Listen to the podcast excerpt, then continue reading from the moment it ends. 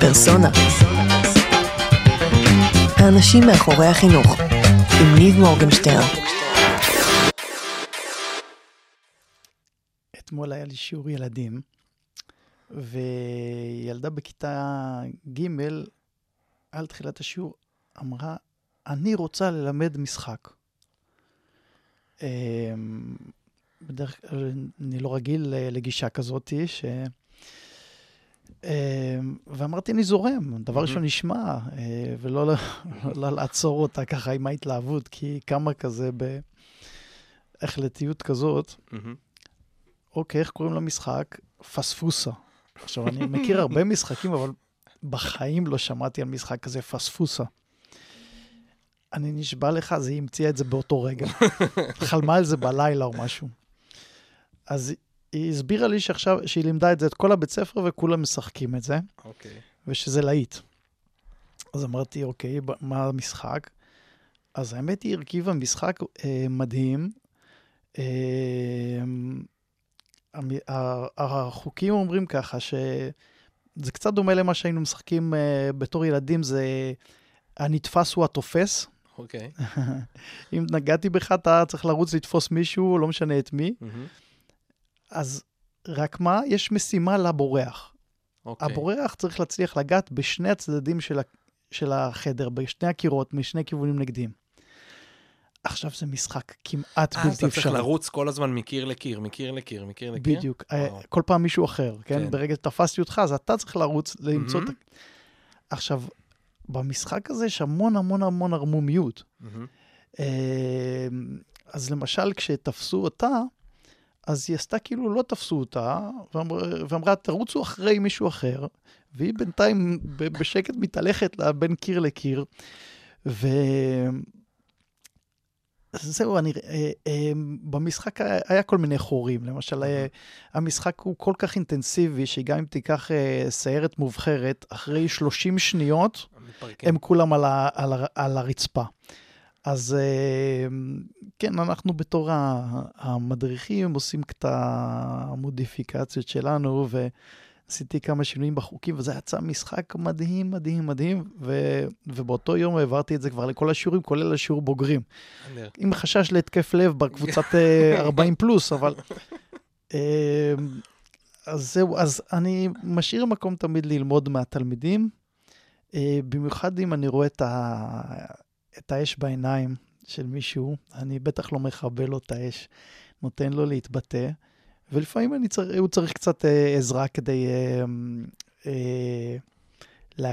בדיוק לסדר את המשחק ולהקים אותו. אה, אבל זהו, זה הלהיט של החורף הולך להיות עכשיו. פספוסה. פספוסה. או-אה.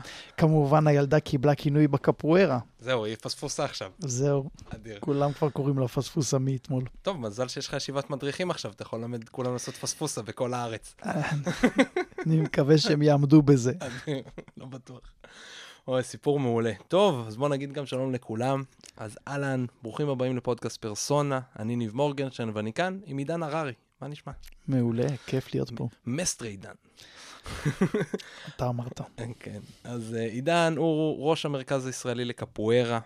אה, בעבר היית, יש לך חגורה שחורה בקראטה, נכון? אמת. אה, עושה גם ג'יוג'יצו, למד גם ג'יוג'יצו, המון אמנויות לחימה, אה, אבל הכי הכי חשוב, אתה היית מאמן שלי, היה לי הכבוד. וגם גיסי. היום טוב, לגבי זה עוד. אפשר, אפשר להתווכח, אתה אומר, מה, לאן זה הולך. אה, ואני ממש ממש שמח שאנחנו יושבים פה אחד, כי תמיד כיף, אה, כיף לנו לשבת לדבר.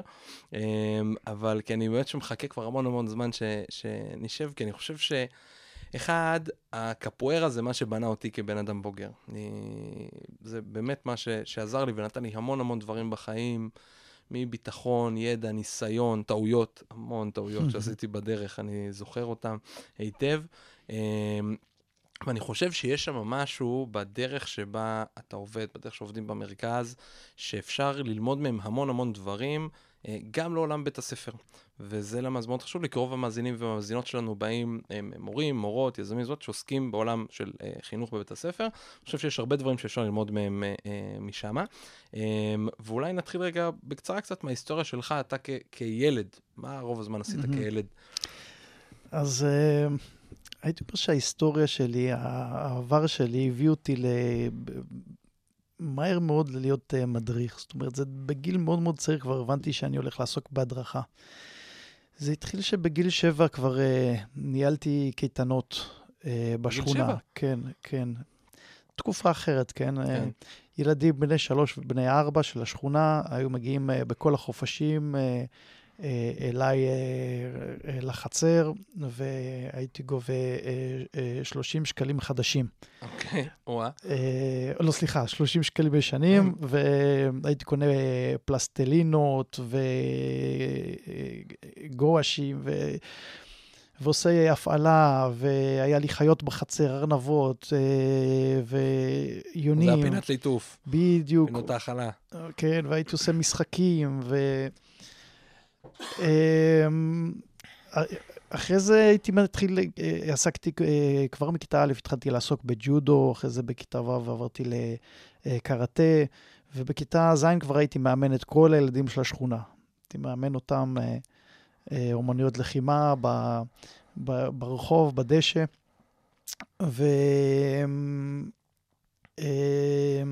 ואיך ידעת לאמן אותם? הייתי מחכה, מחכה את המדריכים שלי. ו... כאילו מה שהם היו עושים בשיעור, היית עושה להם את התרגיל, היית מסיים שיעור, רץ אליהם, עושה להם את אותו שיעור? הרבה פעמים הייתי עושה את אותו שיעור, והייתי מאוד, אה, גם אה, הייתי ממציא, הייתי, הייתי חושב איך שזה יהיה כיפי, איך שזה יהיה יעיל, איך שזה יהיה אפקטיבי. אה, לפעמים זה היה אינטנסיבי מדי, ורק אני הייתי עומד בזה, אבל... אגב, פספוסה. אגב, כן. פספוסה. אבל... אה, כן, מגיל צעיר זה, זה משך אותי ההדרכה, דיבר אליי אה, להעביר, לחלוק, כל מה שהיה עושה לי טוב, שידע שרכשתי, היה לי חשוב להעביר, ואני חושב גם שמהר מאוד גיליתי שכשאני מעביר את זה הלאה, אני לומד את זה טוב יותר. אני חושב שזה גם כן אחד הדברים ש... נתנו לך את ה drive לזה. נתנו לי את ה drive, כי ראיתי שזה עצם העיסוק. Mm-hmm. לעסוק עוד ועוד ולחקור את זה ולדבר על זה. והייתי יכול לדבר שעות להסביר לאנשים מה זה אומנות לחימה ומאיפה היא הגיעה. ו... רגע, תמיד עשית גם ג'ודו, גם קראטה? או... אה, לתקופות עשיתי okay. את אוקיי. זה, לתקופות את זה, mm-hmm. התאגרפתי גם. ו... Mm-hmm. תמיד נמשכתי לאומנות לחימה. אני חושב דווקא בגלל שהייתי סקיני ו... וילד מאוד מאוד עדין, אולי אפילו סבלתי קצת בולי בכיתות הראשונות. ואני חושב ש... רצית להגן על עצמך. כן, כן, כן. כן. אז, אז, אז עשית את זה, ואז בצבא הלכת להיות uh, מדריך קרב מגע בשייטת, נכון? נכון, כושר גופני וקרב מגע. Uh, טוב, שרק על זה אפשר לדבר הרבה, אבל... Uh, ואז השתחררת, המשכת בקארטה, איפה גילית את הקפוארה? האמת היא שבמהלך הצבא, הרופא של היחידה, הוא היה לוקח אימוני קרב מגע אצלי, ואמר mm-hmm. לי, תשמע, אשתי התחילה לעשות משהו מגניב, ימי שבת בבוקר בתל אביב, קפוארה מברזיל. וכבר היה לי מושג ככה מאיפשהו, איך זה נראה, והייתי חייב ללכת לראות את זה, והגעתי שבת בבוקר ויושב בצד בפינה, מסתכל על שיעור, וממש דמעות ירדו לי מהעיניים. ואמרתי, וואו, איפה זה היה עד היום?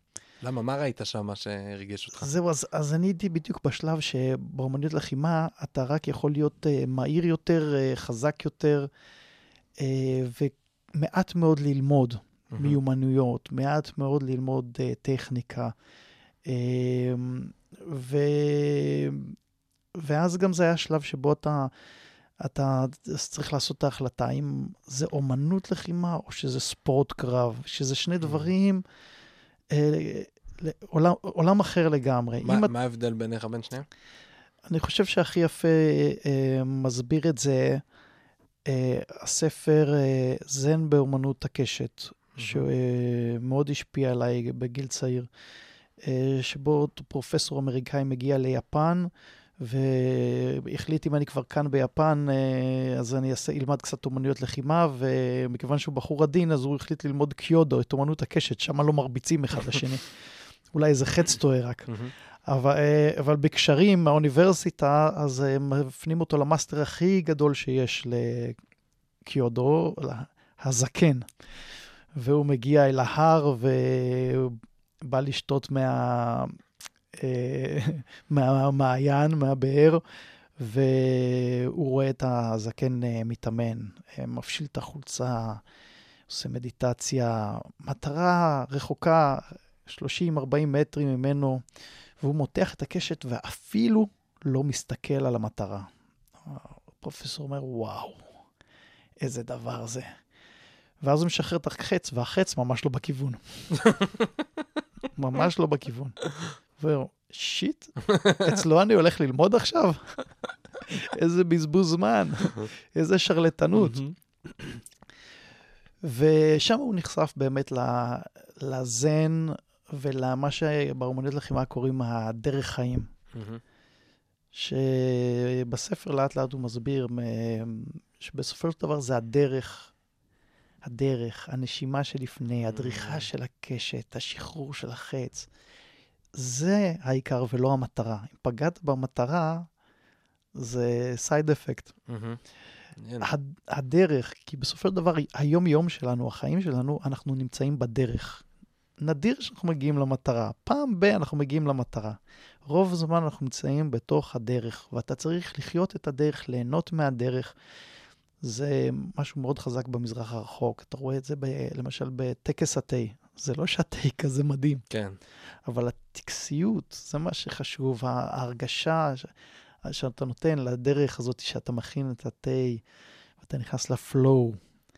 הפלואו, מדברים עליו גם כן המון, המצב הזה שבו אתה פשוט בתוך הטראנס, פשוט עושה בלי לחשוב, נמצא שם כל כולך בתוך העשייה, זה הדרך.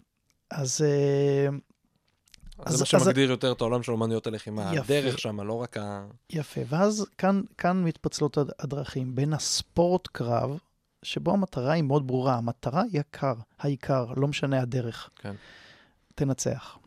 לבין האומנות לחימה, הדרך חיים, ואז המטרה היא שולית, זה מהמם. לעשות.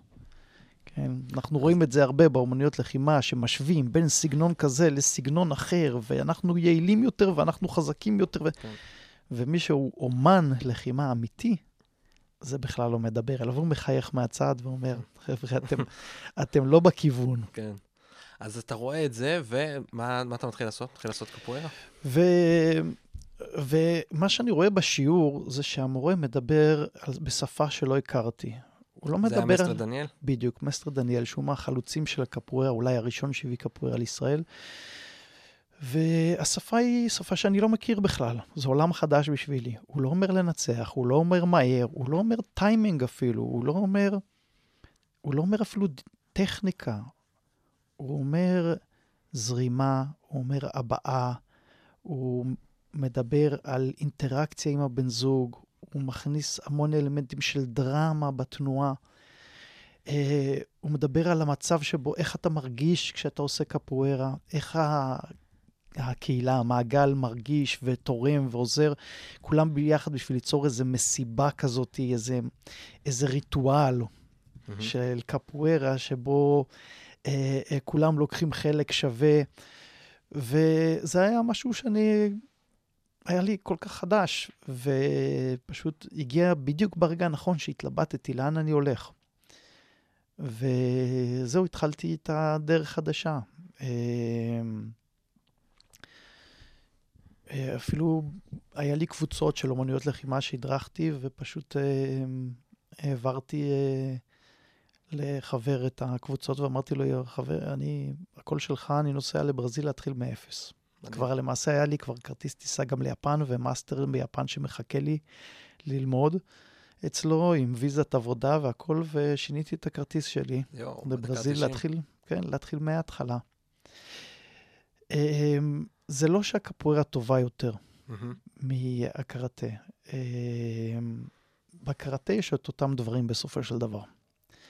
מאיזה עוד בחינה? פעם, כי האומנות לחימה היא בסופו של דבר אה, ריקה, זה יותר אנחנו שמכניסים את התוכן. מהמם. המורה שלי, היה לו את היכולת להכניס את התוכן הזה לתוך הקפוארה. יכול היה להיות מורה אחר שהיה מדבר באותה שפה של האומנות לחימה התחרותיות, הספורטיביות. אז גם בקראטה יש מורים גדולים של דרך חיים אה, שמעבירים לתלמידים שלהם את הדרך. וגם בקפוארה יש מורים שמעבירים את הספורט. מהמם. אז uh, אני מעריץ גדול של כל אומנויות לחימה, וגם של כל ענפי הספורט קרב למיניהם. אני חושב שכן חשוב שמדריך שעוסק, הוא ידע מה הוא מעביר. אם הוא כן. מעביר ספורט קרב, מהמם. או שהוא מעביר את האומנות לחימה וידבוק בדרך שהוא בוחר, ויהיה שם יושרה מאחורי הדברים. אה, וגם אם לא, ש- רק שיהיה לו טוב. יפה, אז בוא נסביר אולי רגע מה זה קפוארה, למי שאולי לא, לא מכיר את זה עד הסוף או לא מבין עד הסוף. אז, אז קפוארה זה אומנות לחימה מברזיל שפותחה על ידי עבדים לפני 600 שנה במכלאות אה, אה, עבדים בברזיל. אותם עבדים אפריקאים מפתחים אומנות לחימה בשאיפה יום אחד לברוח לחופש, או רק בשביל להעביר את הזמן בינתיים, בשאיפה לחופש. אה, שבאומנות הזאת הם אה, מביאים איתם את כל התרבות האפריקאית, את הכלי נגינה, את המעגל המסורתי, שאם באפריקה זה היה בשביל אה, לעשות טקס אה, מלחמה, הורדת גשם, אה, ציד וכל... אותו מעגל עם התופים, עם ההשתתפות של כל הכפר, כל השבט. אה, מגיע למכלאות עבדים, לסנזלה בברזיל, ושם זה משנה את האופי. והשחקנים אה, משחקים משחק קרב אה, מאוד מאוד ריקודי, אה, כדי להסתיר את הקרב מפני האדונים, בשאיפה יום אחד להביא את, ה, את, ה, את השבט לחופש. והאומנות הזאת נשמרת אה, דורות אה, אה, בברזיל, ואחרי זה, אחרי ביטול העבדות, היא נהפכת לאומנות רחוב, של הכנופיות לפעמים לתקופות. אה, מתישהו גם יצא מחוץ לחוק בברזיל. בדיוק, כי אה, מן הסתם אותם אה, עבדים מורדים נהפכו אחרי זה גם לאזרחים אה, מורדים, כנופיות רחוב, אה, והקפוארה גם אה, אה, משנה את הפנים שלה לתקופות, ממש תקופות שהיא ככלי נשק אלים. ובמקביל יש לה את האופי של, של האומנות רחוב, שמושכת את התיירים, שעולה אפילו על הבמה להופעות פולקלור. ו... ואז מגיע המקום של האומנים שמתחילים ללמד את האומנות הזאת, אה, שזה יחסית די מאוחר, רק אה, בשנות ה-30 של המאה הקודמת, באמת אה, אקדמיות לקפוארה, מורים מתחילים ללמד. וכך לאט לאט על ידי אה, מוצ'ילרים ומטיילים למיניהם מגיע אפילו אלינו. מגיע לפה. מה שנקרא, אני תמיד אוהב את הסיפור שאתה, שיצא לשמוע אותך מספר אותו כמה פעמים, שכשהתחלת לעשות קפוארה, אף אחד לא ידע מה זה קפוארה, אבל סבתא, שאנחנו קוראים לה סבתא בצרה, נכון. היא ידעה מה זה קפוארה. ברור, כי היא קראה את הספרים של ז'וז' אמדו, והגיבורים של ז'וז' אמדו, הם היו אלופי קפוארה, הוא עצמו הושפע מ- מאחד המאסטרים הגדולים, מסטר פאשיה, שהוא היה מקורב אליו, אה, דמות מאוד מאוד אה, ידועה בעולם הקפוארה. מדהים. מעולה. אז איך נראה היום שיעור קפוארה? אז אה, טוב, אולי, אולי נגיד רגע לפני זה מילה, שהיום קפוארה בארץ, כשאני התחלתי להתאמן קפוארה בשנת 2000 בערך, היית הצעיר 20 ביותר. 20 שנה, והיית נכון. בכיתה ז' או ו'? כן, משהו כזה. ו... כן. ולא היה, אף אחד לא, לא היה, כאילו, וזה היה הכי הכי צעיר, אף אחד לא למד בגילאים האלה. נכון. זה היה רק מבוגרים. היום יש לנו מי? מה הגיל הכי צעיר שלנו בקפוארה? אה, שלוש, ארבע, כן, הצעירים ביותר. והכי מבוגרים? אה, 60, 70, כן. פה אנחנו מדברים אבל על הארץ, על כן? הארץ. כאילו תלמידים, על לא הארץ, על כן. מאסטרים שעושים את זה שנים. לא, לא. חבר'ה. שהתחילו 60, אתה אומר שיש אנשים היום בני 60, יש בני 70? כן. כן, מתקרבים, נושקים מתקרבים- ל-70, נושקים כן. ל-70. אני חושב שאני יודע מי זה. אמ, אוקיי, אז יש לנו, זה ממש כל הגילאים. אז אז איך נראה שיעור קפוארה? יש הבדל בגילאים? יש מה? זהו, אז אני מוכרח להודות שכשהייתי צעיר, אה, היה חוק שאני מלמד רק מי שמותר לו לשתות בירה אחרי השיעור. ואז זה זלג לחטיבות ביניים. ואז זה הפך או לטרפיץ. שלחת לפי החוק הבר- הברזילאי. כן, לאט לאט. אה, אה, אז, אז כן, הקפוארה כמו שאני ראיתי אותה בהתחלה, זה היה לבנות קהילתיות. אה, זה, בתור התחלה יצרתי את הקהילה שלי, משכתי סביבי אנשים פחות או יותר בני גילי, כדי אה, ליצור את המעגל קפוארה. אמ, אחרי זה, מתוך אה, אה, התבוננות במה שקורה בברזיל, ראיתי שכשחבר'ה מגיעים לשנות ה-20, הם כבר מגיעים ברמה מאוד מאוד גבוהה, אם הם התחילו אה, בגיל צעיר. ולאט לאט התחלתי לרדת בגילאים, ושם עשיתי המון טעויות בדרך. הדבר הראשון שלמדתי, ששיעור של ילדים, זה לא כמו שיעור של גדולים רק בקטן. Mm-hmm. זה הטעות הקלאסית, אני כן. חושב. זה הטעות הקלאסית. שחושבים ש- ש- שילדים זה כמו מבוגרים, רק אה, נמוכים יותר. בדיוק, כן. זה, זה הטעות הקלאסית. ו... ואחרי הכישלון, אז יצאתי לחקור וללמוד. אחד הדברים שהכי השפיעו אולי זה באמת שהילד שלי נולד, אה, וזה באמת אה, משך אותי ללמוד ולחקור, באמת. כי כל uh, תקופה זה נהפך ליצור אחר. זה חיה אחרת, כמו שאומרים. כן. וכשחיה אחרת, אז היא אוכלת דברים אחרים, היא מקשיבה לדברים אחרים, הדרייב שלה זה דברים אחרים. והיום יש uh, כבר הרבה מאוד שנים בארץ, uh, למרכז לישראלי לקפוארה, שיטה מאוד מאוד מסודרת, uh, שמתייחסת להבדלי גילאים בכל תקופה uh, בילדות או בנעורים, uh, גישה שונה של שיעור, מטרות שונות בשיעור, אה, אפילו שפה שונה של המדריך. וזה אה, משהו שהוא כל הזמן אורגני, אנחנו כל הזמן לומדים, אה, ואנחנו כל הזמן לומדים גם מהתלמידים. אני חושב שהמורה הכי טוב שלי היה בזה, זה הילד שלי. Mm-hmm. ברגע, אני חושב שזה, היום קשה לי להעביר לפעמים למדריך צעיר באמת את, ה, את התחושה מה זה... אה, אה, עבודה עם ילדים. מה זה עבוד, כן, מה מרגיש ילד. Mm-hmm. וכשיש לך ילד בבית, זה קל לך כן, יותר כן, להרגיש את זה, את זה, בהחלט, כן. אמ, אז, אז זה מחולק לפי גילאים, ואני חושב שהדבר שה, המשמעותי ביותר כשאתה מנסה, כשאתה מתחיל לחקור בכלל את העבודה, זה תמיד להציב לעצמך את המטרות. אני חושב שזה הדבר המשמעותי והקשה ביותר לאנשים זה לפק... לפקס את המטרות. אסור לך להתחיל סתם לרוץ, אסור לך להתחיל את הדרך. אתה צריך להגיד מה המטרה שלך. Mm-hmm.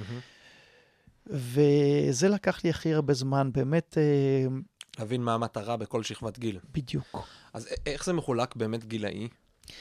כי אמ, יש מקומות, זה, זה לא ממש, זה לא גילאי דיכוטומי כמו נגיד אה, בית ספר, זאת אומרת, זה לא שיש לך לכיתות א', כן. נפרד לגמרי, ולכיתות ב'. זה, כמובן, זה השאיפה. בית ספר גדול, אז ממש החלוקה תהיה באמת לפי כל שכבת כן. גיל. אה, בית, בתי ספר הקטנים יותר נאלצים לעשות מיקס בין הקבוצות, ואנחנו יודעים גם שיש הבדל בגילאים לפעמים, mm-hmm. בין פיזיולוגי, אה, כרונולוגי ומנטלי, זאת אומרת, יכול להיות ילד בכיתה א', אבל אה, כן. מנטלית הוא בגן טרום חובה, או פיזיו, פיזיולוגית אה, אה, בכיתה ג', זה יכול להיות, כן. ו, וזה תמיד אה, אתגר של המדריך. ככלל, אנחנו תמיד מעדיפים בכל זאת להשאיר בשכבת גיל. זאת אומרת, הגישה שלנו אומרת שלהיות בכיתה א' אתה תהיה רק פעם אחת. Mm-hmm. זה שאתה יכול אה, להצליח משהו של ילד בכיתה ג', אה, זה לא אומר שזה הדבר הנכון לעשות איתך עכשיו. זאת אומרת, yeah. החוכמה היא כן לתת לו גירויים, אבל לא להעביר אותו לשיעור של ילדי לא? כיתה ג'. אתה יודע, כי דווקא בהרבה בתי ספר, זה מצחיק, כי קודם היינו עכשיו בסיור בבית ספר פה ליד. אז דווקא מאוד מנסים, איפה שאפשר, זאת אומרת, מנסים, זה מאוד קשה, אבל מנסים איפה שאפשר כן לתת לילדים, אם הם מצליחים להתקדם לאנשהו, אז להתקדם. למה, למה אתה לא רוצה לתת לילד להגיע ל... אז אנחנו, אנחנו אומרים, שכמו שאמרתי, לכיתה א' אתה תהיה רק פעם אחת. Mm-hmm. מה יקרה כשתהיה בכיתה ג' ולא יהיה לך את היכולות של ילד בכיתה ו'? זאת אומרת, היום mm. אתה בכיתה א' ויש לך יכולות של כיתה ג', אבל אם אתה תגיע לג' ותצטרך לעשות עוד פעם את ג', זה הכל ייראה משעמם. עכשיו, זה רק נותן עבודה קשה יותר למדריך, כי הוא כן צריך להיות מסוגל לתת לך את האתגרים, כשאתה בכיתה א', אתגרים שמתאימים לכיתה ג', אבל הוא mm. לא יפריד אותך פיזית, לא יפריד אותך מהילדים בני גילך. אתה mm-hmm. צריך להיות... זאת אומרת, אתה משאיר את הקהילה. בדיוק. זאת אומרת, הקהילה ואת הבני גיל ואת החבר'ה שהם, רוב הסיכויים אולי מאותו בית ספר והם מגיעים לשם. כמו שעמית, הבן שלי שמגיע אליך, אז החבר'ה מהבית ספר שלו שם. נכון. אז זה מאוד חשוב אה, אה, להישאר עם הקבוצת גיל שלך, כי אחרי זה יהיה לך קשה, קשה, בשלב מסוים, את יכול להיות שאתה לא תוכל, מכל סיבה שהיא, להדביק את הילדים הגדולים יותר, ויכול להיות שאפילו, בוא נגיד, ב- הצלחת בתחום מסוים, מה עם שאר התחומים? Mm-hmm. האם בשאר התחומים? וגם השאלה היא, אם זה שאתה מסוגל, האם מנטלית זה טוב לך? זאת אומרת, זה שעכשיו אני אתן לך שיעור באמת, ילד בכיתה א', שיעור מאוד מאוד טכני סיזיפי, כמו של ילדים בכיתה ג', ד', Mm-hmm.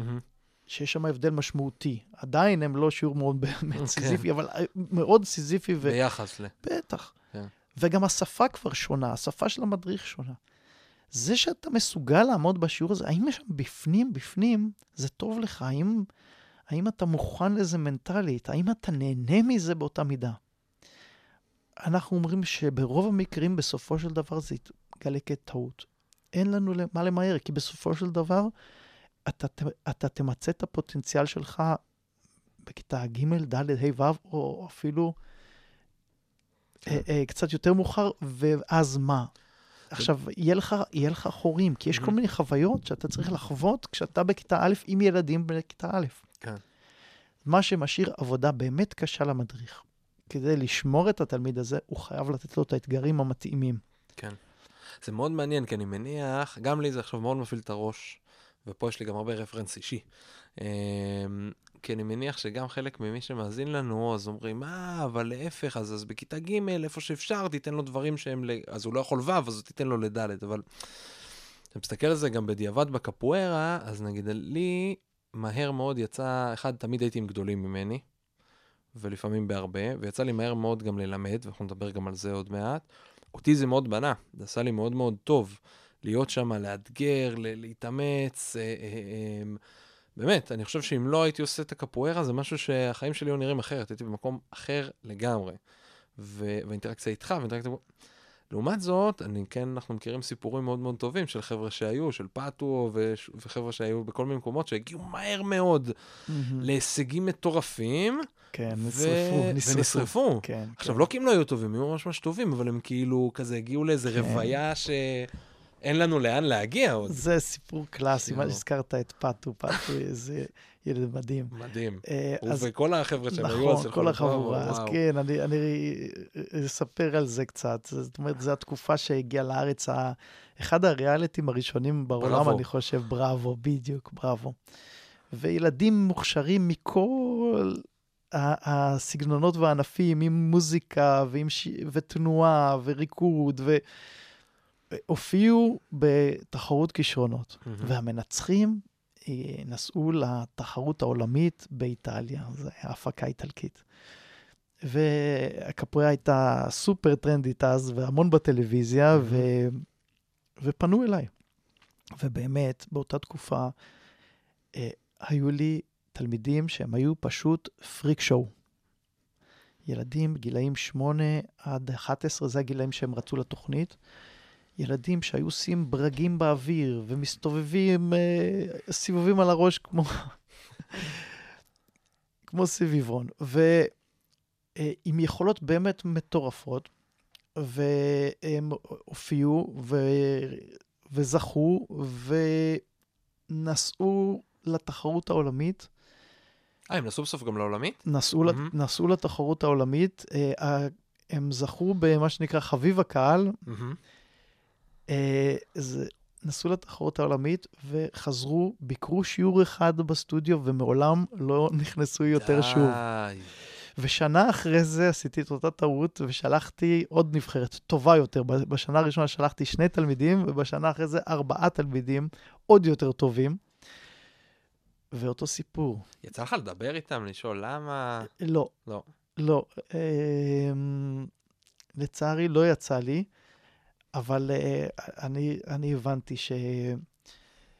הבנתי כמה דברים. דבר ראשון, באמת, החוויה הסופר אינטנסיבית הזאת של להיות שמה אה, ב, ב, בגג העולם, אה, עם כל הטלוויזיה והראיונות והצילומים, ו...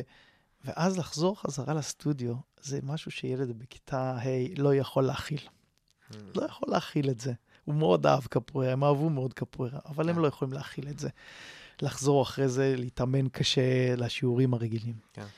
והדבר השני שהבנתי, זה, זה הייתה דרך ארוכה יותר להבין, זה באמת אה, שההישגים המוקדמים האלה, אז אתה אומר, רגע, אז מה הוא ישיג בגיל 20? כן.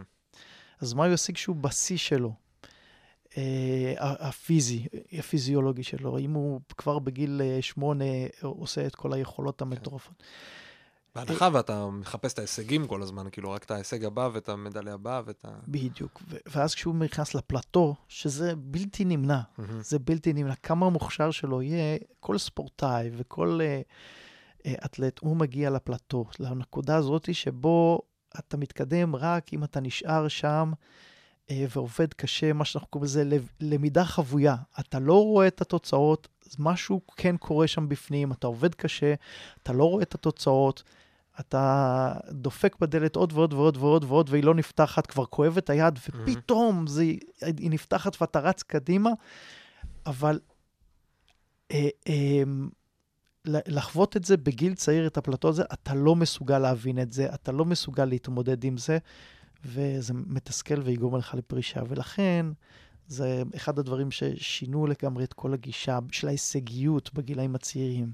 אנחנו המון מדברים על לבנות את היסודות. מהמם. כשכן, כשהוא מגיע לגיל שהוא יכול ומוכן, גם מנטלית וגם פיזית מוכן יותר, אז שהוא יוכל לרוץ קדימה. אנחנו בונים לו את היסודות, יסודות התנועתיים, אה, וגם אה, הזכרתי ש, שהמטרות זה הדבר החשוב ביותר, נכון? מהמם. אז אנחנו מבינים שבגילאים הצעירים, המטרה החשובה, החשובה ביותר, זה המוטיבציה. מהמם. זה אהבה, אהבה לא לקפוארה, אהבה לספורט, אהבה לתנועה, אהבה למוזיקה, לקצב. זה, זה הגול החשוב ביותר. אנחנו הבנו שילד שאתה מצליח ל, אה, ליצור לו את המוטיבציה, הוא ילד שגם אה, יתאמן בסלון בבית, בהפסקות בבית ספר. כן. וגם אם הוא לא יהפך כזה, כן, אה, פריק של האומנות, הוא אחד שזה תמיד, השפעת נש... לו על החיים. תמיד כן. נשאר לו מקום חם בלב מהמם. לאומנות ולתנועה. ואם הוא יפסיק קפוארה, הוא יעשה פעילות אחרת. אמ, שזה מביא אותנו לעוד נקודה משמעותית בשיטה שלנו, שאנחנו קוראים לזה חינוך לאוטונומיה. אוקיי. אנחנו מבינים שאוקיי, יצרת לו את האהבה באמת ואת המוטיבציה, אבל אם הוא רגיל לשיעור פרונטלי כל הזמן, מהמם. שהוא מחקה את המדריך כל, אה, ועומד בשורות ומבצע לפי פקודה, סביר להניח שהוא בבית, הוא לא יתרגל לבד, כי כן. הוא מחכה שמישהו יוביל אותו. שמישהו יגיד לו. אם מישהו לא מנחה אותו, אז הוא לא יודע לעשות את העשייה. בדיוק, שזה שינה לנו לגמרי את העבודה. איך עושים את זה? אז, דבר... נקודה, נקודה חשובה, דרך אגב, בעולם של, ה, של בתי הספר, אז קוראים לזה, הם מדברים הרבה פעמים על אוטונומיה למורים, אבל תלמידים מדברים על זה על הלומד העצמאי. אז מה, איך עושים את זה? אז, אז מתחבר ל, ל, לנקודה הקודמת, זה מתחבר למוטיבציה. Hmm, אתה צריך ליצור גירוי שהילד רוצה לקום ולעשות. לקום ולעשות, אתה צריך לתת הדגמה שמצד אחד היא ברת יכולת, ברת הישג, שהוא רואה את עצמו, מדמיין את עצמו עושה את זה. אל תיתן לו משהו שהוא לא מדמיין את כן. עצמו עושה. תן לו משהו שהוא יכול לבלוע. ותיתן לו את זה בצורה, דבר ראשון, תדגים את זה יפה. ויותר חשוב משאתה תדגים את זה, תן לאחד הילדים להצליח את זה. כי כשילד רואה ילד אחר מצליח, אוח, הוא קם ועושה. כשאתה עושה זה לא חוכמה. כן. תפאר, תהלל את התנועה, את הטכניקה, תגרום להם לרצות ולעשות, ותראה להם שזה בר השגה, ותן להם לעשות ולהתנסות, וגם אם עושים הפוך, תגיד להם כל כן, הכבוד, כן. כי עצם העשייה תביא אותם גם להצלחה. כי אתה מסתכל על הדרך כל הזמן, ולא רק על. התוצאה. אני היום, פעם, מישהו היה עושה בעיטה, הוא היה עושה אותה הפוך, הייתי אומר, עצור. בוא, כן. בוא נתקן, בוא בוא נתקן, למה. בוא, בוא תראה, יש לכיוון. הזה ויש לכיוון הזה. כן. היום שילד בן 4, 5, 6 עושה תנועה, דבר ראשון אומר, וואו, כל הכבוד, בוא תעשה עוד פעם. כן. ואני מבין שבעצם העשייה הוא לומד, ואם, ואם הוא עושה טכניקה, והוא פשוט, זה לא שהוא לא עושה טכניקה שלא קיימת, הוא עושה פשוט טכניקה אחרת מן הסתם. כן. לכיוון ההפוך זה גם קיים. אז כן. כל, כל הכבוד שאתה מהמם. עושה. אבל איפה אתה מותח את הקו? כי זה גם יכול להיות מסוכן. כי אם אתה אומר כל הזמן, כל הכבוד, כל הכבוד, מהמם. וזה מחזיר אותי לתרגיל שעשינו בקורס מדריכים. עם ה- עם החם קר. נכון. אם אתה אומר למישהו כל הזמן, כל הכבוד, כל הכבוד, אז הוא גם לא, הוא גם לא יגיע כל יום למטרה. נכון, אז, נכון. אז, אה, אז החוכמה היא אה, לעצור ולתת את הדגשים. איך אני עושה את זה? אני עוצר ולוקח ילד שעושה משהו יפה. ווואו, תראו איזה יופי הוא מיישר את הרגל. כל הילדים יקומו עכשיו וישרו את Mm, אתה הרגל. מדבר על הדברים הקטנים. אתה כן, עכשיו. אני לא אקח את אוקיי. אה, ניב ואגיד לו, עצור, הרגל שלך עקומה. כן. לא, אני אקח את ניב ואגיד, Mm. תראו איזה יופי הוא מיישר את הרגל. טוב, זה עכשיו אתה אומר לי, כן אמרת שזה. עכשיו כולם יקומו וישרו את הרגל. כן. זאת אומרת, אה, אני אלך דבר ראשון כמובן מה, מהחיובי ו, וגם מהכללי, לא מהאישי. ו, ויודע מה, אם אה, הוא יבעט עם רגל עקומה אה, גם שנה, שנתיים, אבל הוא יבעט, אז זה, זה גם חשוב. כן. כי אנחנו גם מבינים בהתקדמות, בשלבים, בתקופות גיל, מה, מה, מה סביר להשיג בכל תקופה. זה. שיש ילד שמצליח, זה לא אומר שזה כולם צריכים להצליח עכשיו. אתה גם חושב, אבל על. עכשיו אתה, זה מתחבר למושג שאמרת קודם, אתה חושב חזק מאוד על המוטיבציה ועל להיות חלק מהעשייה, ואתה אומר, אמנם זה לא בפלטו, אבל אתה, יש לך את הלמידה החבויה הזאת, אתה אומר, בסוף הוא יישר את הרגל. אז הוא לא יישר את הרגל בכיתה ה', הוא יישר אותו בכיתה ח', אבל הוא, זה יגיע לשם. בדיוק. יצטרך. אנחנו מבינים שבסביבות גיל תשע לילדים נופל איזה אסימון. הם לא קוראים לזה ליפול מגן עדן. הוא פתאום מבין שאתה לא יכול להגיד לו סתם, וואו, אלוף, כל הכבוד. כן. הוא לא פראייר כבר, הוא, הוא אומר, רגע, אני אלוף, אז מה החבר שלי שעושה יותר טוב? אוקיי. לא, אנחנו מבינים, יש גיל שהוא גם יכול, מסוגל להכיל את, ה, את ההערות שלך, זה פחות או יותר גיל, בצורה אה, אה, אה, אה, אה, חכמה ונכונה יותר. זאת אומרת, בסביבות גיל תשע, אני לגמרי יכול להגיד לילד, תשמע, ידידי, הרגל הזאת היא לא מספיק ישרה, כן. אה, בוא תעבוד. אה, ומה שילד בן ארבע לא יכול להכיל. מהמם. אמ, אז לכל דבר יש את השלב שלו. יש את השלב שבו אתה, כמה הוליסטי שאתה מצד אחד אה, בגיל הצעיר, ככה אתה גם בגיל הנכון, אתה צריך לדעת לה, אה, אה, להיות חד ומדויק בהערות שלך, כי גם זה המוטיבציה, זאת אומרת, המוטיבציה של התלמיד היא גם באמת ללמוד מהמם. ו- ולהרגיש שהוא מתקדם. אם כל הזמן תגיד לו כל הכבוד, כל הכבוד, והוא מבין כבר בגיל אפילו שבע, כן. שהוא לא מתקדם, ושהוא לא מקבל מספיק תכנים שמאתגרים אותו, אז כן. הוא, לא, הוא לא יתמיד ולא ימשיך. ולכן ה- העיתוי הנכון של לתת את הדגשים אה, ברמה האישית זה מאוד משמעותי. כמו שאתה רואה, הש- השיטה היא מאוד מאוד מסועפת, כן. והיא מאוד Mhm. מורכבת. זה משהו שעל רגע אחת אני נותן לך ככה נקודות, אבל. לא, אבל מרגישים בשיחה את ההוליסטיות. זאת אומרת, גם, אני חושב שגם מרגישים את ההוליסטיות, איך הדברים מתחברים אחד לשני, מאוד יפה.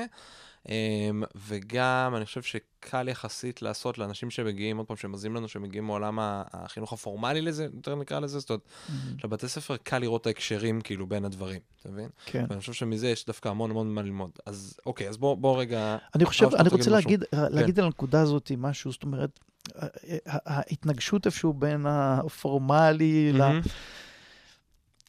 כשאני מעביר קורסי מדריכים, תמיד קם מישהו, לרוב זה מבטא רוסי. טוב, זה שאתה בסן פטרסבורג, מעביר את הקורס.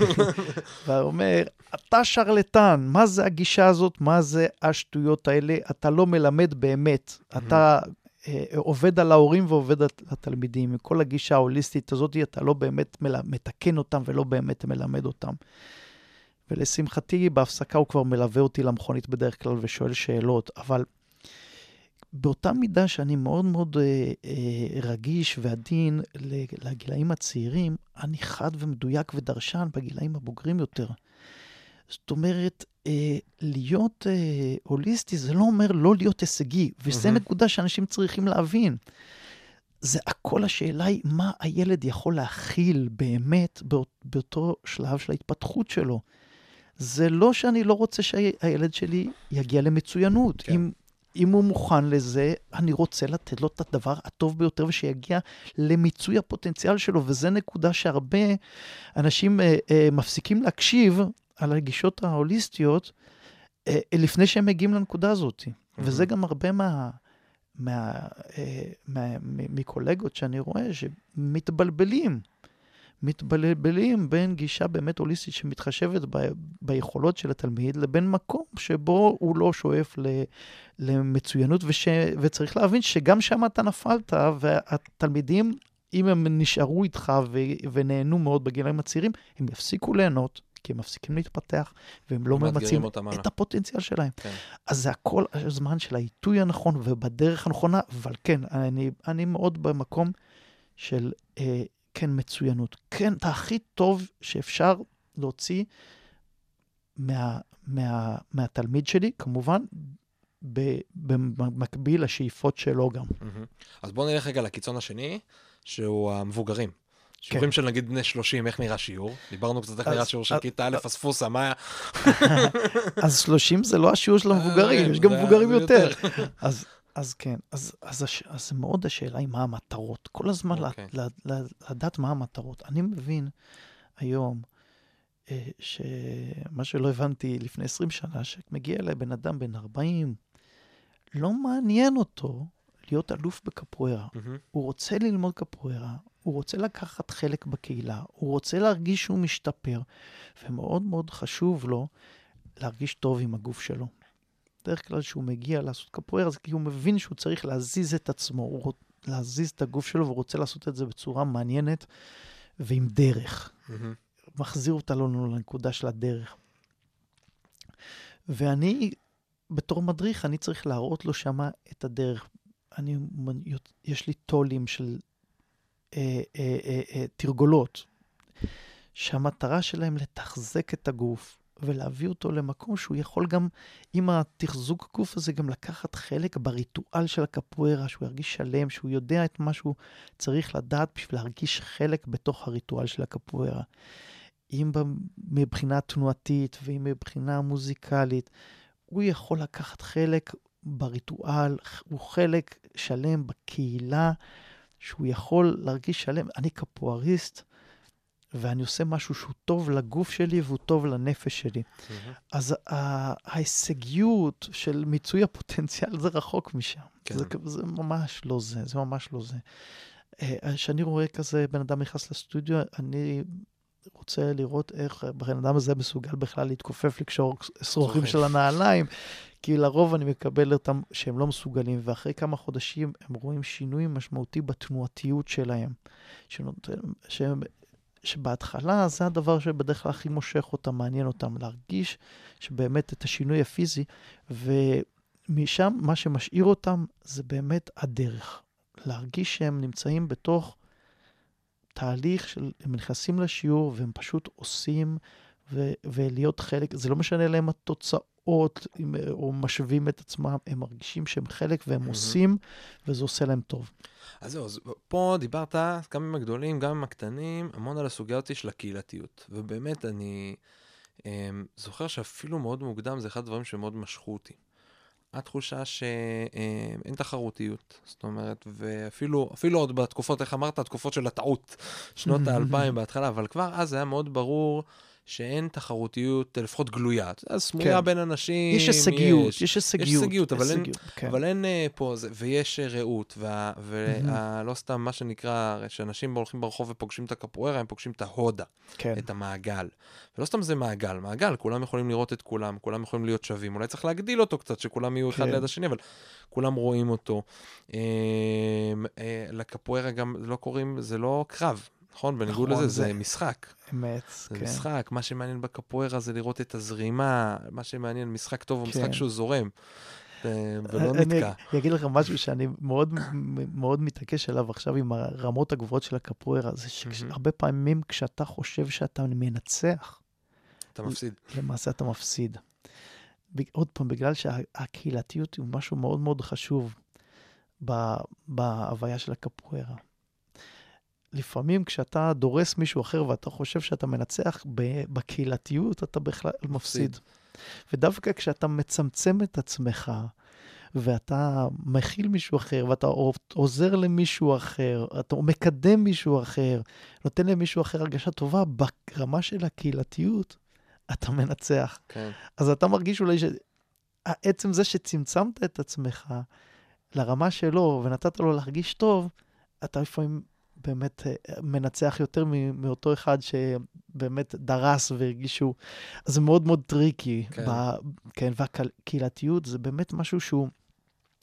עוד פעם, אני נזהר במקום הזה של להגיד, mm-hmm. בשונה מאומנויות לחימה אחרות. כן. כי אני ראיתי, אתה יודע, אני ראיתי בתי ספר אה, אה, אה, לאגרוף תחרותי ביותר, שיש שם קהילתיות מדהימה. וואלה. וזה הכל, כן, זה לא... תלוי במורה בשטח. ו... ממש ככה. אתה יודע מה, אה, לפני המון שנים בא אליי אה, אה, אחד המורים שלי, אה, דוקטור גיא מור. אה, אומן לחימה ומרצה בחסד. אה, ואמר לי, תגיד לי, מה ההבדל בין אה, קפוארה לכדורגל? ואני בצעירותי, קפוארה זה ערכים, וקפוארה... ואז הוא שלח אותי לראות את הסרט המורה קרטר. Mm. והמאמן, קואוצ' קרטר, כן, זה על כדורסל, ואיך הוא מקבל קבוצה ומעביר להם ערכים ודרך ארץ. וחזרתי עם עיניים מושפלות ואמרתי, המורה, קיבלתי שיעור, כן. תודה. אז נתן לי שיעור גם בצניעות. כן. נתן לי שיעור בצניעות, כשאתה חושב שאתה יודע הכל באמת. ואז... אה, אמ, אז, אז באמת, זה, זה, זה, לא, זה לא הקפואר, אבל באופי של הקפואר יש המון מקום להרבה מאוד אנשים להתבטא. אתה לא יכול אה, לשחק קפוארה אם אין לך פרטנר. כן. אתה לא יכול לשחק קפוארה אם אין לך את המעגל שתומך בך ושר לך את השירים ומנגינים. וכשאתה יוצא מהמעגל, אתה באופן טבעי מתחיל לשיר בשביל אחרים. זאת אומרת, אז ב building, באופי של הקפוארה, איך היא, מה היא, יש בהחלט, יש מקום... אה, בנויה, ממש בנויה בשביל קהילתיות. אז איך עושים את זה? מה המרכיבים שמייצרים את ה... גם תחושת השייכות, גם את תחושת הקהילה, את, הרצון להיות חלק, את הלתרום. מה, מה הדברים לדעתך שעושים את זה? בירה אחרי השיעור, ברור. הכי חשוב. אז... זה גם מה שעמית אומר שהוא אז, אז, אז כן, אז כמו שאמרתי, זה, דבר ראשון זה במדריך. Mm-hmm. איך הוא מכוון את, ה, את הקהילה, הערכים שהוא יוצר בתוך הריטואל של הקפוארה. כי באמת אה, זה, זה הכל בידיים שלו. הקפוארה היא, כמו כל כלי אחר, היא, היא ריקה מתוכן, ואנחנו יוצקים פנימה את התוכן. אמ, אז, אז באמת, הערכים האלה, של הקפוארה, כשיש את ההתמודדות בתוך המעגל בפנים. אין חוקים, אין um, שופט, אין משקלים, קטגוריות. ובכל זאת שני אנשים נכנסים פנימה, יכול להיות uh, בחורה דקיקה בת, אה, אה, אה, בת 15 עם 40 קילו, וזה גבר שרירי בין... 98 קילו. בדיוק, והוא, והם צריכים להסתדר עכשיו במעגל של הקפוארה. ו, וזו הכוונה של המדריך, כי הוא יכול לשסות את הגברתן באותה דקיקונת, כן. ובזה הוא למעשה הגדיר את ה... את ה זה... האופי ואת בדיוק, האווירה. את המטרות ואת האווירה, ו... ולא משאיר הרבה מקום באמת לאותה ילדונת. והוא יכול לש... לדאוג שהאופי של המשחק יכבד את היכולות הפיזיות אמ, של כל אה, מתמודד או כל שחקן. אני, אני חושב שיש לי ש... שני חוקים אה, שהם אה, בעמוד התווך של של המשחק, של הקפוארה, שהוא מגדיר באמת אה, את העבודה שלי. לכבד את הגוף ואת הנפש של הבן זוג שלך. Mm. אני חושב שזה הדבר המשמעותי ביותר. זאת אומרת, כשאתה נכנס למעגל של הקפוארה, ואתה רוצה לעשות את הבסט שלך, ותוך כדי זה אתה צריך לשמור גם על הגוף, גם על הבריאות, כן, וגם על הנפש של הבן זוג שלך, ובכל זאת אתה רוצה לעשות את הטוב ביותר שלך, mm-hmm. אז זה נותן מקום לאנשים לצאת שני מנצחים. יפה. אם שני השחקנים יוצאים מנצחים מה, מהשיעור, אפילו אם הוא נפל על הטוסיק עכשיו בתוך uh, קרב במרכאות של קפוארה, כן. והוא נפל מחייך, מבסוט כי הוא קיבל שיעור, וזה נעשה מאוד מאוד בעדינות, ומאוד מאוד בכבוד, והוא קיבל יד, יד לקום וחיבוק וחיוך, ונתנו לו צ'אנס גם כן להרוויח ולנצח או להתבטא. נתנו לו צ'אנס להתבטא, והוא יצא מחובק ומחוזק. אז זו התחלה טובה. ואותו דבר זה במעגל מסביב. אם אתה נותן צ'אנס לכל אחד לתרום, אם בשירה ואם בנגינה, וברור שיש מישהו שהוא המוזיקאי מלידה, אבל. הוא- רק הוא ישיר תמיד, כן. אז יבוא אחד ופעם ראשונה יפתח את הפה וכולם יפרגנו לו. אפילו שזה היה עורב. וכולם פרגנו לו, אז, בר- אז ברור שפעם שנייה שהוא יפתח את הפה הוא ישיר כבר יותר טוב. ו... זה, זה באמת משהו שמאוד, אה, שאולי זר לא יבין, כאילו זה באמת משהו שמרגישים מאוד מאוד חזק, שזה גם בדברים הקטנים האלה, שגם אם מישהו בא לשיר והוא לא שר אף פעם, והוא מגמגם, והוא טעה במלא מילים, כי שרים הרי פורטוגזית. והוא לא למד את המילים טוב, תמיד אנשים יגידו לו כל הכבוד, תמיד ייתנו לו, כן. כאילו, צ'פחה יגידו, היי, יפה, איזה יופי, איזה אחלה ניסית, וזה... זה מאוד מאוד בונה, ולא יורידו, ולא, תקשיב, טעית בהות, הוא ירצה, הוא יבוא, הוא ישאל. נכון. הוא ישאל איפה, או היא תשאל איפה, איפה הם יכלו ללמוד, וזה אז- מאוד אז- מחזק את אז זה. עוד פעם, זה, זה עוד פעם לנקודה, זה לא מובן מאליו. זה נכון, משהו. שהלידרס, הם צריכים אה, להנהיג את זה. הם צריכים אה, אה, אה, לתת את, ה, את, ה, את הרוח, את, את הדרך, את האווירה. וזה לא ברור מאליו, זה לא ברור מאליו, כי אה, בהרבה מקומות, אה, כשנסעתי לברזיל, ראיתי את גישת רק החזק שורד. אה, האלפא מייל, וכל אחד דבק במשהו הכי טוב ולא נותן צ'אנס לאחרים. אה, אז, אז זה מאוד בידיים של, של המדריך, והוא צריך בתור מנהיג הקהילה, הרב בקהילה שלו, הוא צריך באמת כל הזמן להיות עם היד על הדופק. אה, ולנהל את הקהילה בצורה כזאת שכולם ירגישו בבית ורצויים ומתפתחים ולומדים ושיש להם את המקום לטעות גם וגם מקום להצליח, גם לפרגן וכיף יותר, כיף לפרגן ל, ל, לטובים ולאלופים ולמוכשרים ולמשקיענים, כיף ל...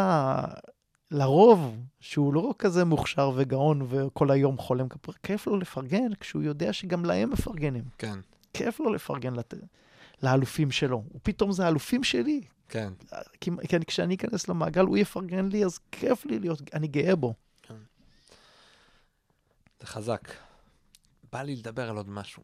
בא לי לדבר על העניין שמהר מאוד תלמיד מוצא את עצמו מורה. מהר מאוד, זה כן. כאילו ממש ממש מהר, אתה מוצא את עצמך מלמד, אולי עוזר רק למישהו, שאתה אולי שלושה חודשים, אתה עוזר למישהו שיעור שני, אתה שנה ומשהו, אז אתה מלמד. כן, זה מחזיר אותנו לתחילת השיחה שלנו. אני ראיתי מה בנה אותי בתור מדריך. מהמם. אני לא בטוח שכולם חווים את הדברים כמוני, או אני בטוח שלא אפילו, אוקיי. אבל היו כאלה שהפלתי עליהם את עול ההדרכה, וזה היה מוקדם מדי, וזה שרף אותם גם. אז היום אני יותר נזהר עם זה, ואני מחכה לראות שזה בא מה, מהתלמיד שהוא רוצה להפך להיות מדריך. וגם עוזר מדריך. אבל כבר בגיל אה, צעיר מאוד, אני נותן להם את האופציה, אה, ילד בכיתה ה' יכול להגיע לשיעור של הילדים בכיתה א' ולבוא להיות אה, working student, כן, לבוא ולהיות המדגים, לבוא ולהיות אה, העוזר מדריך. אתה עושה את זה לפעמים גם בדברים קטנים. הנה, הייתי לפני כמה שבועות באחד השיעורים, והיה בדיוק חילוף, כאילו באתי עם עמית, ואז היה בדיוק חילוף בין השיעורים, ואז הוא, אתה קראת לכל, כל האלה של השיעור הבא, רגע, אתם תישארו עוד קצת, עכשיו אתה תדריך, אה, אתם זה- תעשו ביחד בזוגות. זה קורה אצלי כמעט כל שיעור. מהמם. אני בונה את השיעורים לפי גילאים, שאפילו שזה לא תמיד זה הגיוני מבחינת הנוחות של ההורים, כן. אבל יהיה ילדי גן, ואז יהיה ילדי כיתה א', ואז ב', ג', וכן הלאה. ואז הילדים בכיתה א' מגיעים חמש דקות לפני השיעור, מהמם. והם חונכים אחד על אחד את הילדים בגן. כן. וגם ברמת המשחקים וגם ברמה של טכניקה. וזה נהדר, והם חמודים כל כך. והילדים בכיתה א' מגיעים עם, אה, עם חשיבות כזאת, כן. והם עושים את הכי טוב שלהם כדי ללמד. הם מוציאים את הבסט שלהם מול הילדים בגן, ואחד על אחד מראים להם את הטכניקות ומבצעים איתם. ו- וכשהם מסיימים את השיעור, הילדים מגיעים הילדים מכיתה ב' ג' וחונכים את האלפים וכן הלאה וכן הלאה. אה, זה עושה תוצאות מדהימות במקום של הרמה של הטכניקה. מהמם. השיעור הזה, אחד על אחד, הטכניקה אה, אה, מקבלת אה, רמות מוטיבציה גבוהה מאוד, ורמת ריכוז גבוה מאוד, גבוהה מאוד בזמן התרגול. מהמם. גם הבוגרים החונכים ברמת ריכוז גבוהה, וגם התלמיד ברמת ריכוז גבוהה, וזה עושה אה, נפלאות. ועוד דבר שזה יוצר, זה נותן להם את האח גדול בקפוארה. עוד עוד מרכיב קהילתי. עוד מרכיב, כי כשנגמר הם נותנים את הכיף קפוארה המסורתי, ואחרי זה שהוא רואה את החונך שלו בבית ספר, הוא עובר לידו ומקבל כיף קפוארה, וכולם לא מבינים מה זה צריך להיות, מה, מאיפה אתה מכיר אותו, אתה הוא מכיתה ה'. כן. וזה משהו ש... אה, יש בזה גם משהו שאני תמיד אוהב, זה, זה, יש בזה סמליות כזאת, כי כל הילדים הקטנים יושבים בשורה, והגדולים עומדים בשורה, ואני אומר להם לבחור את התלמיד שלהם, והם צריכים באקט סמ- סמלי להגיש לו יד ולעזור לו לקום. מהמם. הוא, הוא נותן לו יד, הכל ומ- בדברים הקטנים. כן, עוזר לו לקום, ושם זה התחושה הזאת, כבר עוזר לו לקום, אני עוזר לך, אני שם בשבילך. ו, ואת אותו דבר אני עושה, כשאני בא להעביר סדנה, 200-300 אנשים, ב- לא יודע, הזכרת סן פיטרסבורג, או לא יודע מה, איפה שזה לא יהיה, מזמינים אותי להעביר אה, master class של קפוארה, ו, אה, ואני מחלק ישר את הקבוצה ל- לשתי רמות. ואני מלמד משהו, אה, ואני לפעמים עושה אותו בצורה פרונטלית, כולם עושים, ועכשיו אני אתקוף אותו מכיוון אחר. כל הרמה א' יושבים, ורמה ב' הבכירים יותר עומדים, וירימו את הבן זוג שלהם, ייתנו לו יד, יקימו אותו, ויבצעו את הטכניקה אחד מול אחד מראה. ועכשיו את אותו דבר אחד מול אחד עם הגב לבן זוג. ואז אני אעבור לאימון אוטונומי, שכולם עושים לעצמם, ואז תקפתי את הטכניקה שלימדתי בשלושה כיוונים. אימון פרונטלי מולי, מהמם. אחד על אחד, מתקדם ומתחיל, מהמם. שזה סופר אינטנסיבי, רמת ריכוז מאוד מאוד גבוהה. ואז אני נותן להם עוד את המקום הזה של העבודה האוטונומית, שאני עושה את זה עכשיו בתנאים שלי, בזמן שלי, במוטיבציה שלי, בהבנה שלי, כדי שהוא יוכל ללכת הביתה ולהיות מסוגל לעשות את זה גם לבד. מהמם.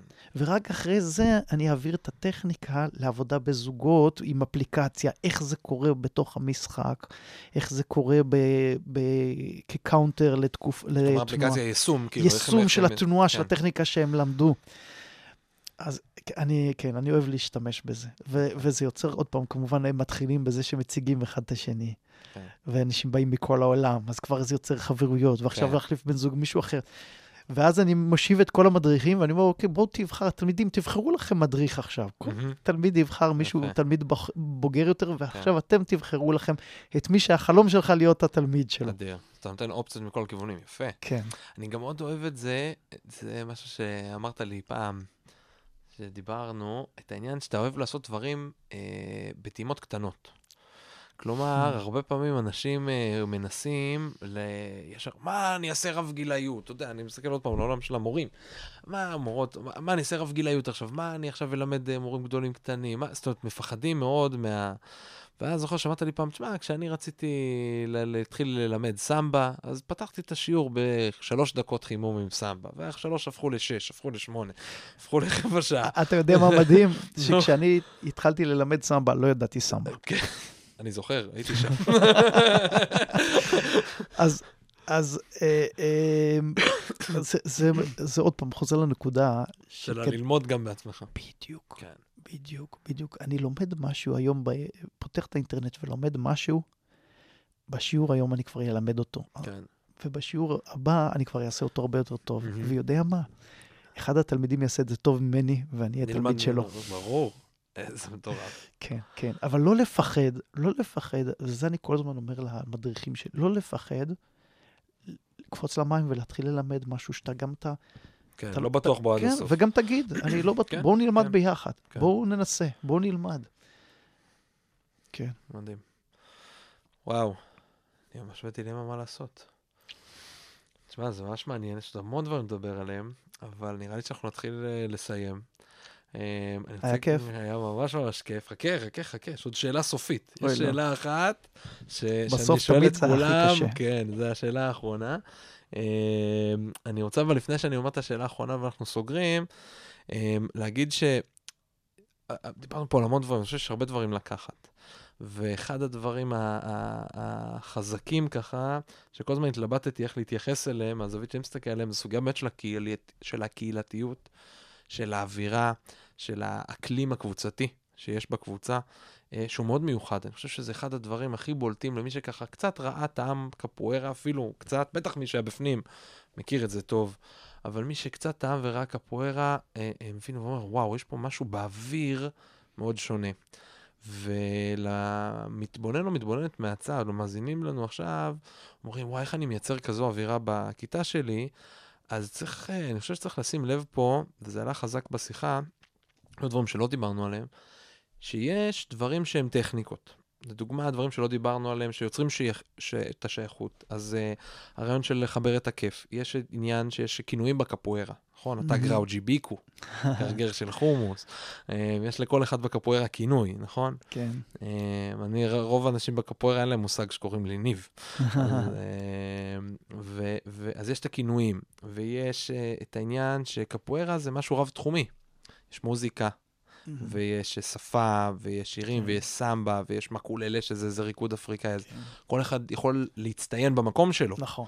כי יהיה מישהו שהוא מוזיקאי מדהים, אבל... ויהיה לו אה, כבוד אה, גדול מאוד. במעגל של הריטואל של הקפוארה, יהיה לו המון המון כבוד שם, גם אם הוא בקושי מסוגל לזוז, נכון. יהיה לו וואו, הוא נחוץ שם, הוא. נחוץ שם. כי בלעדיו אחרי זה, כן, כי כשהוא כן. שר, כן. או שהיא שרה, או שהוא מנגן, כן. האווירה היא מטורפת, והם כן, נותנים את המקום שלהם, וואו, כאילו... ו- ואני חושב ששנינו עולים כמה אנשים בראש, שכשהם שרים או שהם זה, זה לא פחות חשוב ממי שמשחק בפנים. בדיוק. זה, זה מוסיף המון. אז אני חושב שמצד אחד יש מין ריטואלים כאלה, שהם מוסיפים מאוד והם חשובים, אבל לא פחות חשוב, ובזה חזר לך הרבה, זה הדיוק הפנימי. כלומר, הערכים, המטרות, הלמידה הבלתי מפסקת. אני באמת חושב שאתה אחד האנשים של... אה, אני לא מכיר הרבה אנשים שלומדים כל כך הרבה כמוך. שקוראים, שעוברים, שמתנסים באומנויות נוספות, שלומדים מוזיקה ופיתוח קול, וכאילו הולכים לכל מקום, מנסים לחקור ולחפור אותו לעומק, וכאילו אם, אם מישהו יגיד משהו שלא ברור לך, אתה תוך שנייה שולף תמיד את הגוגל ובודק רגע שנייה, תרצה תעמיק בזה יותר, תר, לא תרצה תניח את זה בצד, אבל כאילו הסקרנות, העומק והרצון הזה של הדרך, כמו שהתחלנו איתו בתחילת כן. השיחה, של ללמוד, היא, היא, היא מדהימה. והיא חשובה, לא רק הטקסים. אני חושב, דבר ראשון, זה מה שאני מנסה להעביר לתלמידים שלי. את האהבה של ללמוד וגם לא לפחד לטעות. כן. פשוט לח- לחפש ו- ול- ולחקור. אמ, אז כן, אז זה, זה, זה מה שהביא אותי לאן שאני היום, המקום הזה של לא לפחד, אה, ו- ולקפוץ למים ולהתחיל לשחות, ולבלוע קצת מים, ובכל זאת כן. לקפוץ עוד פעם. ואין דרך אחרת להצליח, כי, כי גם אם אתה מוכשר, יגיע הרגע הזה שיהיה לך קשה, ואתה חייב, תהיה חייב לפתוח את הגוגל, כן. לפתוח את האינטרנט, ולא לפחד ולטעות, ולנסות עד שזה יצליח, ולעשות גם דרך ארוכה. אני חושב שדווקא בגלל שדברים לא הלכו לי בקלות, אז הייתי תמיד מוכן לדרך ארוכה כדי מהמם. להצליח. ו... אמ, אה, אם יש לי איזה אה, עצה ככה לכל המורים שם, אה, אי שם, אני חושב ש... שכשאני מחפש מורה טוב בשביל עצמי, הדבר שהכי עושה לי מוטיבציה זה, זה, זה בנאלי להגיד, אבל אתגרים ברי, ברי השגה. מהמם. והגאונות של מדריך טוב בשבילי, זה המדריך שכמו שהצלחת להשיג, ייתן לך את האתגר הבא התואם לך. מהמם. כל הזמן ייתן לך אתגרים ברי השגה ויקדם אותך בשלב-שלב. אנחנו קוראים לזה, ידע לחתוך בשבילך את השניצל, לתת לך את זה ביס בגודל ביס, הנכון. בגודל, בדיוק, להתאים לך את זה בדיוק בגודל הנכון. ובתוך הקבוצה, גם אם אתה בשיעור קבוצתי, שהוא יהיה מסוגל לתת, נתן תרגיל, הוא ראה שאתה מתקשה, ולתת לך בדיוק הרגשה טובה שאתה מהמם. מצליח, ולתת לך את האתגר הנכון כדי ש... את השלבים הנכונים. ו... וזה הדבר שהכי תמיד מעסיק אותי, שאני עומד מול קבוצה או מול תלמיד. מה האתגר הכי נכון שאני נותן לו, שהוא עכשיו בולע אותו ומבקש עוד. מהמם. ולאט לאט להביא אותו בכיף, בר- בהרגשה, התחושה של הצלחה מתמדת כל הזמן, אה, אה, אל, אל, אל, אל, למקום הזה שאני רוצה להביא אותו. חזק. אהבתי מאוד. טוב, עידן, נשאל את השאלה האחרונה. שאלה האחרונה שאני תמיד שואל, סליחה, שאלה האחרונה שאני תמיד שואל, זה אם לא היו לך מגבלות של זמן ותקציב, והוא מבקשים לך לבנות בית ספר. איזה בית ספר היית בונה? איך הוא היה נראה? איך הוא היה עובד? רגע, דבר ראשון זה עוד יקרה. אוקיי. דבר ראשון זה עוד יקרה, עם מגבלות של זמן ותקציב, אבל זה יקרה. אז דבר ראשון, החלום שלי זה בית ספר של אומנויות לחימה, או מגמה של אומנויות לחימה. זאת אומרת, אתה רואה, יש מגמת מחול, מגמת כדורסל, מגמת זה. האומנויות לחימה זה אחד הדברים המתורגלים ביותר בעולם, אבל גם underestimated. מהמם. היא לא מקבלת את הבמה הראויה. גם מפתחים אה, מנטלית וגם פיזית, ויוצרים, אה, אה, אה, אה, יוצקים ערכים מדהימים, וזה משהו שעוד לא קיים, וזה משהו שיהיה. או מגמה של אומנויות לחימה, או בית ספר של אומנויות לחימה, שמעביר ערכים מאחורה. אה, גם יהיה לו את המקום אולי של הספורט, מהמם. אבל יהיה לו חזק מאוד את המקום של הדרך. אה, גם יהיה בו את המקום של ההכשרה להדרכה, מהמם. אה, ויהיה בו גם את המקום של באמת הלימודים הפורמליים, בהכוונה של, גם הכ- הכוונה של כמה כל אחד מסוגל וצריך ו- ורצוי בשביל שהוא יצליח, כי זה היום מאוד מאוד קשה. זאת אומרת, הילדים לומדים כולם פחות או יותר את אותו דבר. כן. אין ספק שהכל חשוב. אין ספק שכולם צריכים לדעת מתמטיקה ברמה מסוימת. מהמם. אבל ברור שמישהו שהוא מיועד להיות אה, אה, אה, מדען טילים, אז הוא צריך קצת יותר מאותו אחד שהולך להיות אה, אה, מורה לקפוארה. כן. אבל, אבל אז, אז גם שבבית ספר יהיה התאמה לכמה כמה צריך כל אחד, אה, ויהיה את המקום הזה שבו אם הוא בחר את האומנויות לחימה, אז יהיה לו את האופציה שמה כל כולו. כמו הילדה שלי נמצאת במגמת מחול, וואו, היא הול- היא הולכת לבית ספר, היא מחכה ללכת לבית ספר. כן. היא מחכה ללכת לעשות את ה... עם- ל- ל- לרג... לשיעור מחול הזה. אני רוצה ש... שאותם ילדים שהם רואים את עצמם כאומני לחימה, יוכלו ללכת לבית ספר שהם אומרים, אני הולך למקום שהכי תורם לי, שהכי מקדם אותי, של מה שאני הכי רוצה לדעת ולעשות. אז כן, I have a dream. כמו שאני מכיר אותך, הוא יקרה. עוד שבוע, פחות שבוע, אבל בסוף מתי הוא יקרה. מדהים. דנסקי, תודה רבה. כיף, היה מדהים, איזה כיף. שיחה מעולה. תודה רבה. תודה, ולכם, תודה רבה שהאזנתם לפרסונה. אני הייתי ניב מורגנשטרן. אמ, נשתמע בפרק הבא. יאללה ביי.